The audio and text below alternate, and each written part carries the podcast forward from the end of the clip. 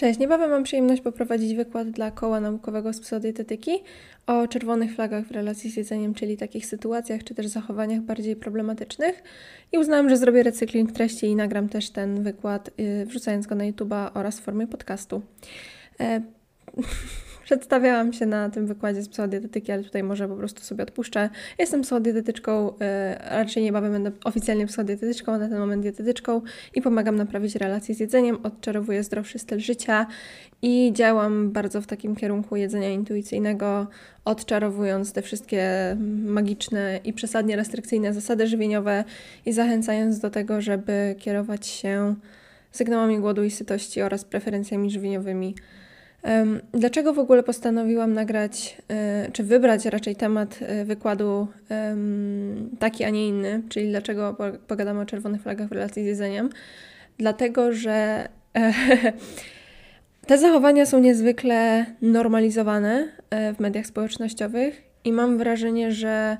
już coraz częściej one są jakby wyłapywane i już coraz częściej takie zachowania w stylu nabijania kroków i chodzenie po domu 50 razy, żeby kroki się zgadzały, budzi już jakiś delikatny sprzeciw, zaczyna już budzić delikatny sprzeciw wśród odbiorców, odbiorczyń e, i zwraca się na to uwagę, ale to jeszcze nie jest taka skala, um, która powiedzmy, że byłaby zadowalająca i satysfakcjonująca. I w świecie pełnym osób, które się notorycznie odchudzają, w świecie, w którym to przestrzeganie różnych zasad żywieniowych i bycie fit jest takie gloryfikowane i wystawiane wręcz na piedestał. Wydaje mi się, że bardzo łatwo jest zgubić taką,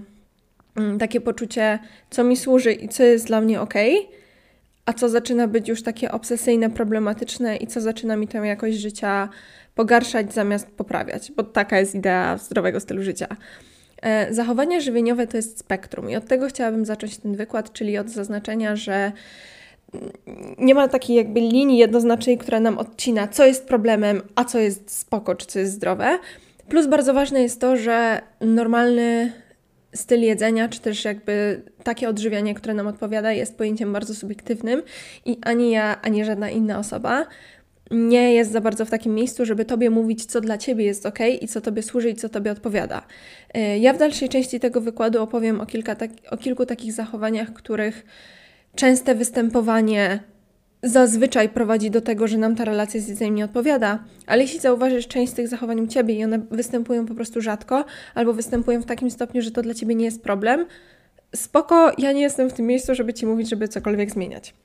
E, zachowanie żywieniowe to spektrum, co sprowadza się zasadniczo do tego, że możemy wyróżnić zaburzenia odżywienia, zaburzone relacje z jedzeniem i takie właśnie normalne, subiektywnie odżywianie, które powiedzmy, że jest bliskie elementom takiego jedzenia intuicyjnego, czyli właśnie tego, że sięgamy po jedzenie, kiedy jesteśmy głodne, głównie.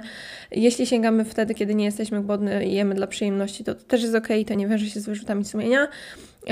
ale to, czy mówimy o czymś, co bardziej przypomina zaburzenia odżywiania, czy czymś, co przypomina bardziej tą właśnie normalną, zdrową relację z jedzeniem, mogą świadczyć chociażby takie rzeczy jak to, czym się kierujemy, wybierając jedzenie. Czy to jest to, że jesteśmy głodne, czy to jest to, że coś nam smakuje, czy kierujemy się tym, że wybiła jakaś tam nasza godzina na zegarku i to jest nasza pora jedzenia, e, albo czy wybieramy takie rzeczy, które wpisują się w jakiś nasz sztywny schemat przestrzegania i dzięki temu nie będziemy miały wyrzutów sumienia, bo pilnujemy jakiejś reguły i czujemy się w związku z tym dobrze. To są takie elementy, na które jakby warto zwrócić uwagę, żeby zacząć w ogóle rozważania na temat tego, jak ta moja relacja z jedzeniem wygląda, czym ja się faktycznie kieruję. Czy to jedzenie, czy ten sposób żywienia, jaki ja teraz mam w swoim życiu, czy on jest mój, czy on jest bardziej narzucony i ja się notorycznie podporządkowuje. Istotne jest również to, czy my jesteśmy w stanie czerpać przyjemność i zadowolenie z tego, co jemy, albo czy to jedzenie jest dla nas jakby zwyczajnie neutralne i jakby nie ma dookoła niego jakichś większych emocji i uczuć, czy raczej przeważają wyrzuty sumienia, albo uczucie wstydu, albo takie poczucie, że robi się coś niewłaściwego. Na przykład w momencie, kiedy zjemy jedną kanapkę więcej niż nam się wydaje, że powinnyśmy, to czy to jest dla nas ok i czy mamy jakby w sobie zgodę na to, że to ok, dzisiaj najwidoczniej byłam bardziej głodna i potrzebuję zjeść więcej, czy to się jednak wiąże z takim poczuciem, że ojej, nawaliłam i muszę to jakoś e, później odrobić. E, wspomniałam właśnie wcześniej o tym, że możemy mówić o tej skali, która zakłada zaburzenia odżywiania na jednym końcu, powiedzmy, e, skali i normalne jedzenie subiektywne na drugim końcu skali, a pomiędzy są te właśnie zaburzone relacje z jedzeniem. I te czerwone flagi, o których ja będę wspominała, one w zależności od jakby stopnia natężenia mogą się tak naprawdę wpisywać w te trzy aspekty. To znaczy, w tym naszym subiektywnym, normalnym jedzeniu najprawdopodobniej tych czerwonych flag będzie znacznie mniej, albo będą one występowały w znacznie mniejszym natężeniu niż w przypadku zaburzonej relacji z jedzeniem, albo jakby w tych zaburzeniach odżywiania, no, które są już mm, zaburzeniem diagnozowanym w ogóle na podstawie spełniania jakichś określonych kryteriów diagnostycznych. Ale co jest ważne, nie trzeba mieć oficjalnie stwierdzonych zaburzeń odżywiania przez sam specjalistę, psychiatrę. E, można mieć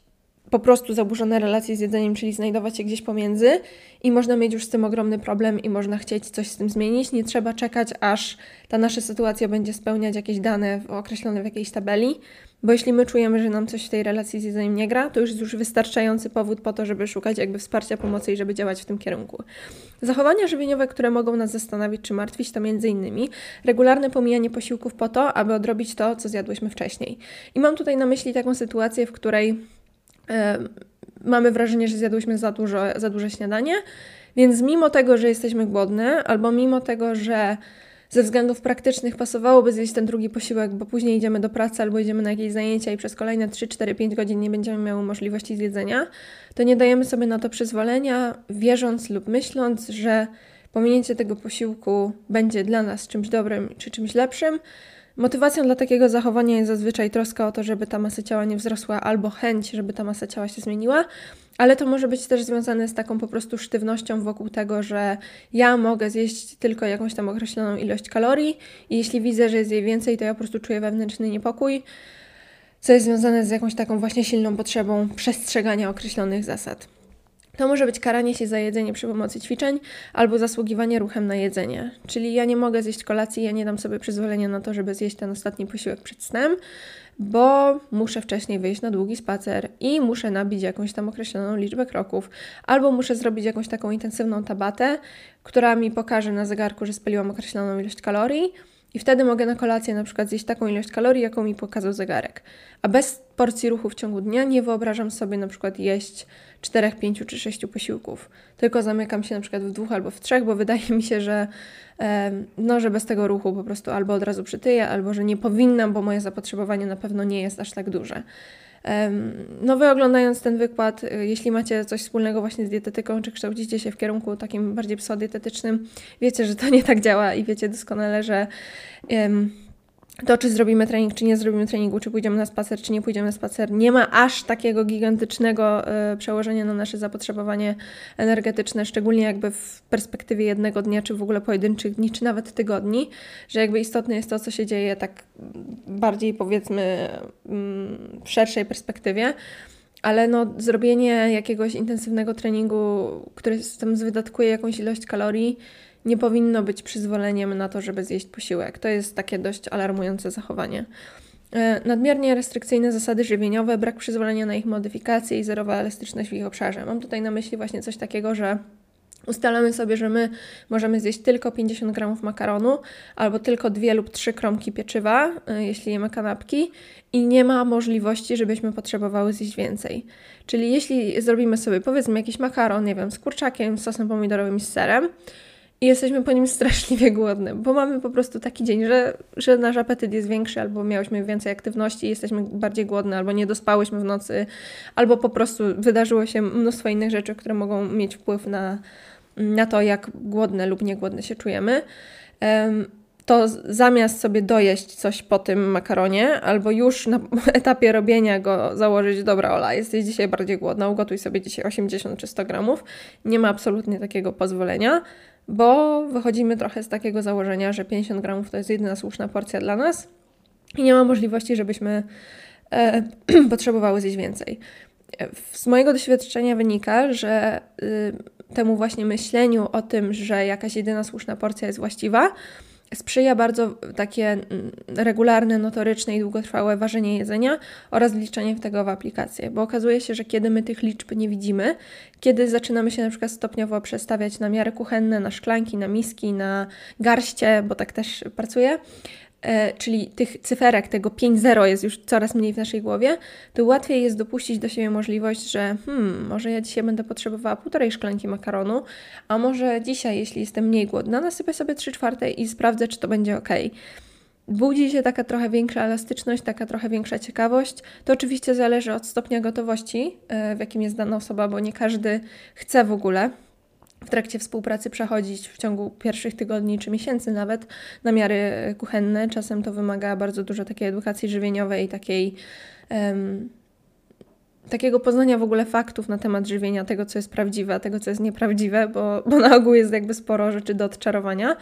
um, u osób, z którymi gdzieś tam pracujemy w tym obszarze psychodietetycznym. Natomiast zmierzam do tego, że jeśli my nie dajemy sobie przyzwolenia na to, żeby czasem coś zwiększyć, czasem coś zmniejszyć, um, że jesteśmy takie bardzo, bardzo, bardzo sztywne, to to też jest jakby zastanawiające. Skąd ta sztywność się bierze, czemu ona służy i w jaki sposób na nas wpływa. Bo to może rodzić takie właśnie frustracje związane z tym, że jesteśmy po prostu straszliwie głodne i musimy czekać później kolejne 3 lub 4 godziny do naszej następnej pory posiłku, wtedy, kiedy sobie dopiero pozwolimy jeść. Ale to może wiązać się też z takimi no, trochę absurdalnymi sytuacjami, w których nam na przykład zabraknie makaronu w paczce i my jesteśmy w stanie zasuwać kilka kilometrów do sklepu, żeby sobie ten makaron dokupić i zjeść, bo nie widzimy takiej opcji, że możemy sobie zjeść ten makaron i dojeść na przykład jakimiś kanapkami, albo że w ogóle zamiast makaronu tego dnia możemy zjeść coś innego, no bo jeśli w naszym planie i w naszym jadłospisie jest to konkretne danie, to to musi być to konkretne danie i w ogóle nie ma żadnej opcji, żeby wydarzyło się coś innego. I ja w okresie swoich zaburzeń odżywiania byłam w stanie wszcząć kłótnię i awanturę o to, że ktoś mi zjadł e, serek wiejski, który miałam w lodówce, albo jakiś jogurt wysokobiałkowy, który był zarezerwowany dla mnie, a któryś z domowników po prostu nie wiedział, że, że ja mam w planie to zjeść. I nie widziałam alternatywy w postaci tego, że mam szafki pełne jedzenia, mam w lodówce jeszcze mnóstwo innych rzeczy, no bo to miałam wyliczone, to miałam zaplanowane i to musiało być. Bo nie zjedzenie tego i sięgnięcie po coś po prostu innego wiązało się mojej, w mojej głowie z takim poczuciem, że jestem słaba, że jestem niezdyscyplinowana, że jestem niezorganizowana i w ogóle milion innych rzeczy, które tak naprawdę nie miały niczego wspólnego z rzeczywistością. Kolejna czerwona flaga, o której chciałabym opowiedzieć, to unikanie jedzenia w sytuacjach towarzyskich, izolowanie się od ludzi przez stres i lęk związany z jedzeniem i generalnie takie stopniowe wycofywanie się z życia społecznego przez to, że nie mamy pojęcia, czy znajdziemy w menu coś odpowiednio zdrowego, e, nie mamy pojęcia, czy to będzie miało odpowiednio dużo kalorii. E, w zaburzeniach takich restrykcyjnych często towarzyszy y, też osobom obawa, że nawet jeśli na stronie miejsca, do którego się udajemy, znajdziemy kaloryczność określonego dania albo znajdziemy w karcie menu taką szacunkową podaną energetyczność, to może towarzyszyć takie poczucie, że oni na pewno oszukują, tam na pewno nie jest w tym makaronie powiedzmy 600 kilokalorii, tylko tam na pewno jest 800 i te osoby sobie jakby zawyżają. I to się często wiąże z takim głodzeniem się na przykład przez cały dzień, żeby móc w ogóle wieczorem pójść gdzieś i zjeść coś innego. I to też jest takie zachowanie mocno restrykcyjne do którego my nawet na studiach dietetycznych często jesteśmy zachęcani, żeby to jakby proponować i to edukować. I z jednej strony jakby kumam, że u niektórych osób to się po prostu sprawdzi, bo komuś bardzo zależy na redukcji i komuś bardzo odpowiada liczenie kalorii i komuś bardzo odpowiada właśnie funkcjonowanie w takim trybie liczenia makroskładników i funkcjonowania z tą aplikacją w ręku przez kilka tygodni czy miesięcy. I czasem to się fajnie sprawdza w takim sensie, że daje komuś elastyczność, której na tradycyjnym takim planie dietetycznym by nie miał, no bo zamiast pizzy i piwka ze znajomymi w piątkowy wieczór miałby dorsza na parze z, z ziemniakami i surówką. Więc jakby rozumiem, że jest zastosowanie u niektórych ludzi tego, że się po prostu je mniejsze porcje posiłków w ciągu dnia, żeby sobie wieczorem zjeść więcej, żeby mieć takie poczucie, że ta utrata masy ciała postępuje do przodu, że ja wiem, co z czego wynika i to nie wiąże się z popadnięciem w skrajności. Mam tutaj na myśli taką sytuację, że jeśli nawet ta osoba założyła sobie, że wypije jedno piwo i zje średnią pizzę, a na miejscu stwierdzi, że zje jeszcze większą pizzę i że to nie będzie średnia, tylko większa i wypije dwa piwa, to to nie wiąże się z głodzeniem się na drugi dzień, nie wiąże się ze wzmożoną aktywnością fizyczną na drugi dzień. To się zwyczajnie wiąże z takim stwierdzeniem faktu, no okej, okay, zjadłem więcej, wypiłem więcej, koniec tematu. Następnego dnia robimy dalej jakby swoje, wracamy do tych naszych jakby założeń i nie ma robienia z tego big dealu. I wiem, że są osoby, którym to bardzo odpowiada. Ja w takim systemie nie pracuję, bo ja nie jestem fanką jakby postrzegania jedzenia w ten sposób, no ale to nie oznacza, że to jest jakby jedyny słuszny sposób na pracę z ludźmi. Także to zależy totalnie od tego, kto do nas trafia, z jakimi potrzebami do nas trafia, z jakimi celami, z jaką historią, z jakimi preferencjami zwyczajnie. I niektóre takie oczekiwania od naszych podopiecznych będą z nami spójne i będziemy w stanie pomóc, a czasem to się wiąże zwyczajnie z odesłaniem do innej osoby, która pracuje bardziej w takim klimacie, no a do nas to jakby nie do końca pasuje i nie chcemy pracować wbrew jakimś takim swoim, nie wiem, przekonaniom, nie wiem jak to nazwać inaczej. Um, izolowanie się od ludzi w ogóle i takie właśnie jedzenie wielu posiłków w samotności to są takie cechy charakterystyczne zaburzeń odżywiania, ale to się już dzieje na etapie zaburzonych relacji z jedzeniem, kiedy my jesteśmy w stanie wręcz um, poprosić kogoś, żeby przyszedł później tylko dlatego, że chcemy sobie zjeść posiłek y, w, jakby w samotności. I to też nierzadko wynika z faktu, że my ten posiłek jemy bardzo, bardzo długo, albo że połączenie smakowe, które sobie fundujemy, jest tak ym, specyficzne, że obawiamy się na przykład komentarzy ze strony innej osoby, która mogłaby powiedzieć, że co, co to w ogóle jesz, jakby to nie ma smaku, albo e, ktoś zjadł w 5 minut i chciałby, nie wiem, wyjść tam gdzieś, gdzie się umówiliśmy a my jemy ten posiłek 30 minut, bo wydłużenie takiej pory posiłku, jedzenie go bardzo, bardzo, bardzo wolno. I nie mam tutaj na myśli zwracania uwagi na aspekt uważności w jedzeniu, tylko takie przeżuwanie wszystkiego 50 tysięcy razy. To też jest taki znak, że możemy mieć do czynienia z bardzo dużym głodem i że osoba może być po prostu bardzo, bardzo niedożywiona, bo takie rzeczy w stylu właśnie zwiększanie ogromnej objętości posiłków jakimiś niskokalorycznymi produktami, w mediach społecznościowych, z tego co widziałam, przeważa mm, przed guma ksantanowa albo białka jaj, albo cukinia, albo inne rzeczy no to też może być taki sygnał, że no kurczę, tej osobie bardzo, bardzo brakuje energii. Skoro ona jest w stanie spulchnić białkami jaj każdy posiłek, mimo tego, że on będzie później smakował paskudnie, byle tylko wypchać to miejsce po prostu w przewodzie pokarmowym jakąś treścią mieć poczucie, że się najadłam. Tylko, że to tak nie działa. Być może część z Was w ogóle tego do, doświadczyła, gdzie była w stanie zjeść parę talerzy jedzenia na y, posiłek, i to mogło być 300-400 kilokalorii total, ale to były na przykład same warzywa albo właśnie jakieś chude ryby, jakieś inne niskokaloryczne produkty. I mimo tego wypchania żołądka nam się dalej chce jeść, bo to nie działa tak, że rozepchany żołądek równa się nasycenie. Rozepchany żołądek równa się rozepchany żołądek, a jeśli tej kalorii, tych kalorii jest za mało, to głowa dalej będzie wołała o jedzenie i żadna ilość treści w żołądku tego nie zmieni. Kolejna czerwona flaga to bardzo częste rezygnowanie z tego, na co mamy ochotę, aby wybrać możliwie najzdrowszą w naszej ocenie opcję w menu, albo po prostu w sklepie, albo po prostu w, z tego, co mamy w domu. I chcę tutaj zaznaczyć taką jedną rzecz, że tu nie chodzi absolutnie o to, że um, my mamy, um, że jeśli wybieramy notorycznie sałatki zamiast pizzy, to to jest jakby zaburzone I nie chodzi mi tutaj też o to, żeby teraz na odwrót robić tak, że jeśli mamy przez miesiąc każdego dnia ochotę na śniadanie, obiad i kolację na pizzę, co jest rzadkim scenariuszem, no ale przypuśćmy, że taki, że taki funkcjonuje, to że to jest super. Także, że jeśli masz ochotę na czekoladę, chipsy i w ogóle wszystko, to jedz to i w ogóle nie zwracaj sobie głowy tym, że coś mogłoby hipotetycznie być bardziej odżywcze. E, mam tutaj na myśli taką sytuację, w której my wychodzimy sobie gdzieś na jedzonko, i no wychodzimy powiedzmy raz na tydzień, raz na dwa tygodnie, tak powiedzmy, że przeciętnie. I zamiast zamówić to, na co naprawdę mamy ochotę, to notorycznie sięgamy po takie bezpieczne opcje w postaci sałatek bez dressingu, jakiegoś pieczonego mięsa i warzyw i tak. I teraz, jeśli komuś to naprawdę smakuje, ktoś to lubi, ktoś w ogóle nie ma ochoty na inne rzeczy, to spoko, ale uczulam tutaj, że w trakcie zaburzeń odżywiania czy zaburzonych relacji z jedzeniem my sobie wmawiamy bardzo dużo rzeczy.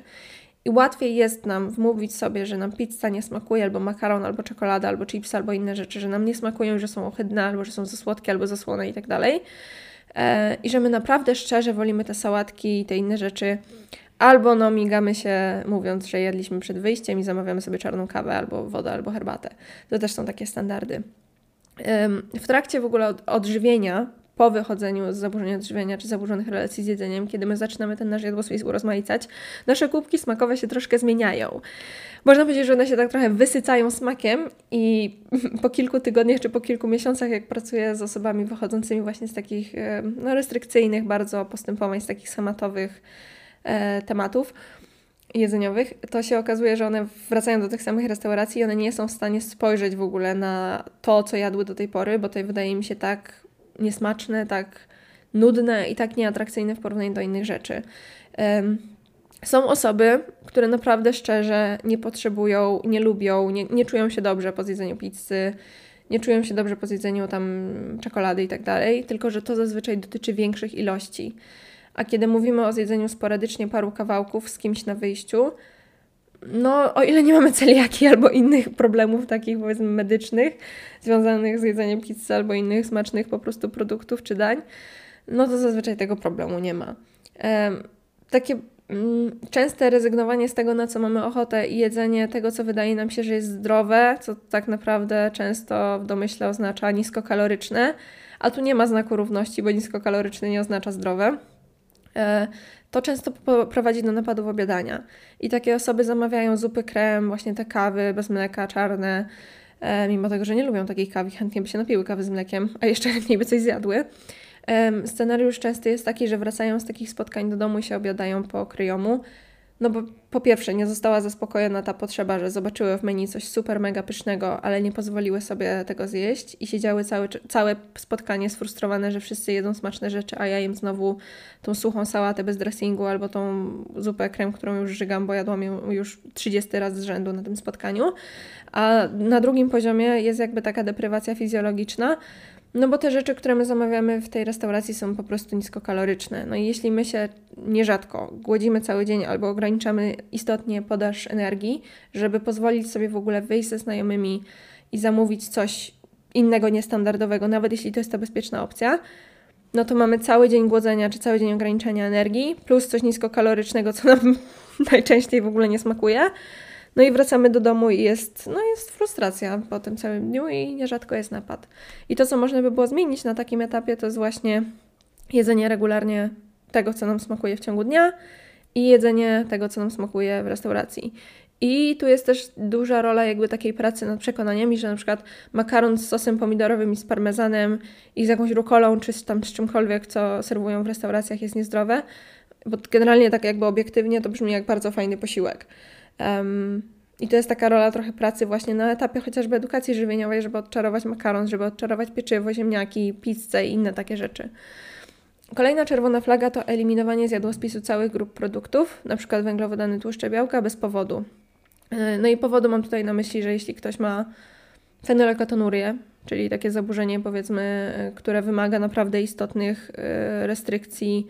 żywieniowych w jadłospisie i, i naprawdę bardzo istotnego zwracania uwagi na podaż białka, no to jakby tutaj rozumiemy sytuację, wskazanie medyczne trzeba. Ale czasem wchodzimy na, na rozmaitsze diety, czy takie skrajnie wysokowęglowodanowe, które nie dopuszczają praktycznie w ogóle udziału tłuszczów, czy diety niskobiałkowe, bo ktoś nam nagadał, że wyższa podaż białka niż pół grama na kilogram masy ciała doprowadzi do jakiejś choroby nerek. E, z takimi przekonaniami też się spotykałam. Albo diety no, skrajnie niskowęglowodanowe, albo w ogóle nie dopuszczające jakiegokolwiek udziału węglowodanów, czyli takie klasyczne białkowo-tłuszczowe, często polecane na różnych redukcjach i często reklamowane jako takie, które w ogóle odmienią nasze życie do góry nogami i zrewolucjonizują wszystko. No i jakby, żeby to wybrzmiało, jeśli ktoś, kto to ogląda, jest na diecie ketogenicznej czuje się na niej super i tak dalej, no to jakby ekstra ale zmierzam do tego, że dieta ketogeniczna jest bardzo restrykcyjną dietą. Podobnie jak dieta e, wegańska na przykład. Ja rozumiem, że też jakby weganizm zawiera w sobie znacznie więcej niż tylko sposób jedzenia, ale zmierzam do tego, że na takim poziomie obiektywnym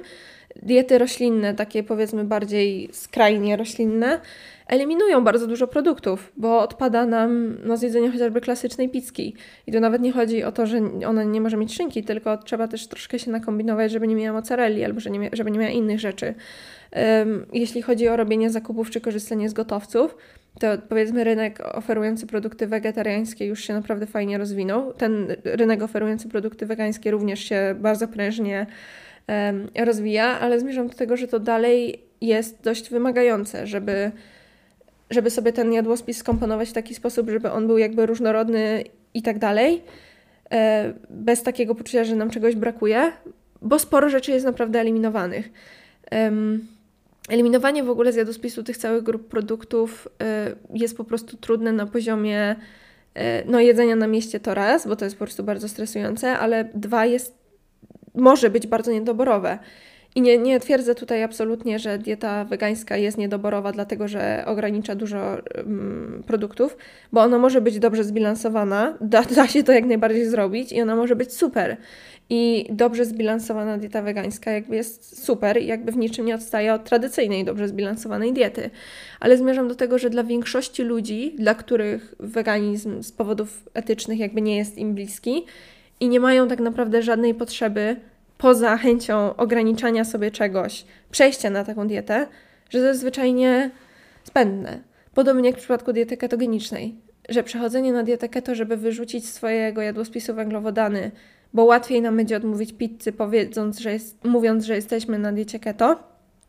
no to jest dalej dieta. To jest dalej restrykcja. I w świecie, w którym generalnie przeważająca część ludzi jednak lubi ziemniaczki, lubi chlebek, lubi makarony, lubi słodyczki, lubi owoce w ogóle, no jest to po prostu trudne do utrzymania długofalowo. Kolejna czerwona flaga to właśnie tłumaczenie swoich wyborów żywieniowych dietą, która nie jest nam bliska ze względów etycznych lub medycznych, aby unikać jedzenia. I to trochę zahacza o to, o czym powiedziałam, czyli nie, ja jestem yy, na diecie wegańskiej i nie będę, mm, nie, nie będę mogła niczego zjeść w to miejsce, w które my pójdziemy, więc może sobie darujmy jedzenie i pójdźmy na spacer. I sobie chodzimy tak 15 tysięcy kroków albo 25 tysięcy kroków, żeby właśnie zegarek pokazał to, co chcemy pokazać. To jest taki powiedzmy przykład z konsultacji, ale um, zmierzam do tego, że przechodzenie na diety wegańskie, um, keto, wmawianie sobie, że mamy nietolerancję laktozy, albo że mamy problem z, celi- z glutenem, więc mamy celiakię albo jakąś po prostu nietolerancję że to wszystko stanowi taki bardzo komfortowy scenariusz, w którym, no, wiecie, nie musimy się zastanawiać, co by tu powiedzieć znajomym, że nie wychodzimy z nimi, bo nasza dieta jest wymówką sama w sobie. Więc jeśli powiemy, że no, nie, my źle tolerujemy gluten, no to trzeba będzie się bardzo nagimnastykować, żeby znaleźć miejsce, w którym powiedzmy, że serwują rzeczy bezglutenowe, a jeśli już takie znajdziemy, no to tam może coś przebolejemy i może sobie tam e, jakieś bezpieczne alternatywy wynajdziemy. Ale większość osób podejrzewam, że nie będzie chciała iść jeść rzeczy bezglutenowych, e, jeśli nie mają takich potrzeb. Wierzę, że są rzeczy bezglutenowe, które są smaczne, ale generalnie dla populacji, która może jeść gluten, podejrzewam, że znaczna część wybierze opcję glutenową. No i można wtedy właśnie zaproponować albo nie, nie spotykanie się w ogóle, czyli jak trochę wycofanie się z tego spotkania, czyli znów izolacja, z uwagi na zasłonięcie się wygodnym faktem, wygodną wymówką zwyczajnie, no albo zaproponować jakąś alternatywę, która zakłada po prostu ruch. I nie twierdzę, że jakby to jest złe, bo jeśli mamy dość siedzenia na tyłku i spotykania się z ludźmi w taki sposób i zaproponujemy spacer po parku, jak jest piękna pogoda, łyżwy w zimie albo inne rzeczy, jakby super, fajnie, porcja ruchu, mega. Tylko mam nadzieję, że jakby wybrzmiewa to, co mam na myśli, że... Mm, bardzo często zdarza się, że na przykład w takich zaburzeniach, bardziej w klimacie ortoreksji, my sobie wmawiamy milion chorób, albo wmawiamy sobie, że to, co jemy, bezpośrednio przyczynia się do choroby i że nas w ogóle zabije ten właśnie makaron biały albo to, ten chleb biały. I korzystamy z różnych wynalezionych w internecie nietolerancji, alergii i wmawiamy sobie objawy, w które często wierzymy, e, bo to jest wygodne. E, w przypadku niedożywienia i w ogóle takiej bardzo. Mm, restrykcyjnej, mam na myśli nieróżnorodnej w produkty diety, nasze jelita zaczynają nie funkcjonować jakby optymalnie. To znaczy pojawiają się zaparcia, czasem pojawiają się biegunki, często pojawiają się jakieś wzdęcia i bóle brzucha. I no, w momencie, kiedy my sobie połączymy to z o, okej, okay, mam wzdęcia albo mam zaparcia po tym, jak zjadłam makaron trzy dni z rzędu, to znaczy, że ten makaron do tego prowadzi, no to my naprawdę mamy jakby bardzo fajną tezę, w którą wierzymy i zaczynamy znowu eliminować kolejne rzeczy i eliminować kolejne rzeczy, w związku z czym nasza dieta jest coraz bardziej restrykcyjna, coraz bardziej uboga, coraz mniej różnorodna, no i często coraz mniej energetyczna, co nasila nam problem zaparć, jeśli one były właśnie na takim tle um, niedoboru pożywienia. No bo jeśli jesteśmy w stanie głodzenia się głodówki, to trawienie nie jest priorytetem. Um, priorytetem jest powiedzmy, że praca serca czy praca wątroby a tam to, czy się wypróżnimy regularnie, czy nie, to jakby nie jest niezbędne do przetrwania. Mm, kolejna y, czerwona flaga, o której chciałam powiedzieć, to jedzenie skrupulatnie wyliczonych porcji o dokładnie określonych godzinach, nawet jeśli jest to niepraktyczne. I mam tutaj na myśli to, że część osób, z którymi będziemy pracować czy pracujemy, ma bardzo napięty grafik. I jedzenie odmierzonych, wcześniej przygotowanych rzeczy, e, które mamy jakby ugotowane, które czekają na nas w lodówce, rano są wygodne do spakowania i założenie sobie, że jemy 8.30, 10.30, 13 i, i tak dalej, i tak dalej, może być naprawdę bardzo wygodne dla wielu ludzi. Nastawiają sobie zegarek, dzięki temu nie zapominają o jedzeniu w ciągu dnia, nie doprowadzają do wilczego głodu, nie mierzą się z jakimś długofalowym właśnie niedożywieniem, brakiem energii w pracy, trudnością z koncentracją, bólem głowy, wynikającym z niskiego poziomu cukru we krwi, czy chociażby właśnie napadami obiadania wieczorem, kiedy wracają po całym dniu niejedzenia, bo zapomnieli o tym. Także nie chodzi o to, że przygotowanie sobie wcześniej posiłków i trzymanie się jakiegoś grafiku y, może być spoko, bo, bo jakby wierzę w to w 100%, wiem o tym, że może być spoko i tak dalej. W obiadaniu się, kiedy wy, wychodzimy w ogóle z takich napadów obiadania, mamy taki etap, w którym naprawdę bardzo bardzo mocno, może nie, że pilnujemy, ale ustalamy regularność w posiłkach jako priorytet. I to nie jest coś takiego, że a jak mi się uda zjeść posiłek, to zjem, a jak nie, to nie. Tylko naprawdę planujemy to wcześniej. W niedzielę obczajamy cały tydzień, jeśli jesteśmy w stanie patrzymy, gdzie jest możliwość zjedzenia czegoś i zapisujemy to albo każdego dnia rano przed tym, jak dzień się rozpocznie, już się przygotowujemy, bo niezwykle istotne jest to, żeby jeść regularnie w tym zapobieganiu jakby napadów obiadania. E, tutaj mam na myśli taką sytuację, w której my mamy możliwość i my mamy dowolność i my możemy zjeść ten obiad o 15, albo możemy zjeść o 14, albo możemy zjeść o 15.30, ale w ogóle nie zwracamy uwagi na to, czy jesteśmy głodne, czy nie, i jakby w ogóle nie zwracamy uwagi na to, co byśmy chciały zjeść, jeśli mamy taką opcję, tylko trzymamy się sztywno,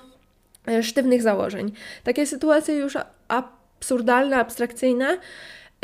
obejmowałyby na przykład taką sytuację, w której dojeżdżamy na uczelnię, mamy kanapkę do zjedzenia w przerwie między zajęciami,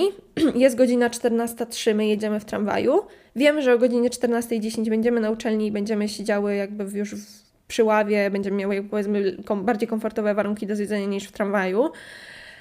e, fundując super zapaszki z kanapki wszystkim dookoła. I my o tej 14 i tak wyciągamy tą kanapkę i ją jemy do 14.06 powiedzmy, bo o 14 jest nasza godzina jedzenia. Więc mimo tego, że my o tej 14.10 miałybyśmy jeszcze pół godziny do kolejnych zajęć, mogłybyśmy sobie na spokojnie usiąść i na spokojnie zjeść, to my siedzimy z tym w tramwaju po prostu tak, patrząc aż 13.59 zrobi się godzina 14 i aż będziemy w stanie zjeść. To jest taka, no,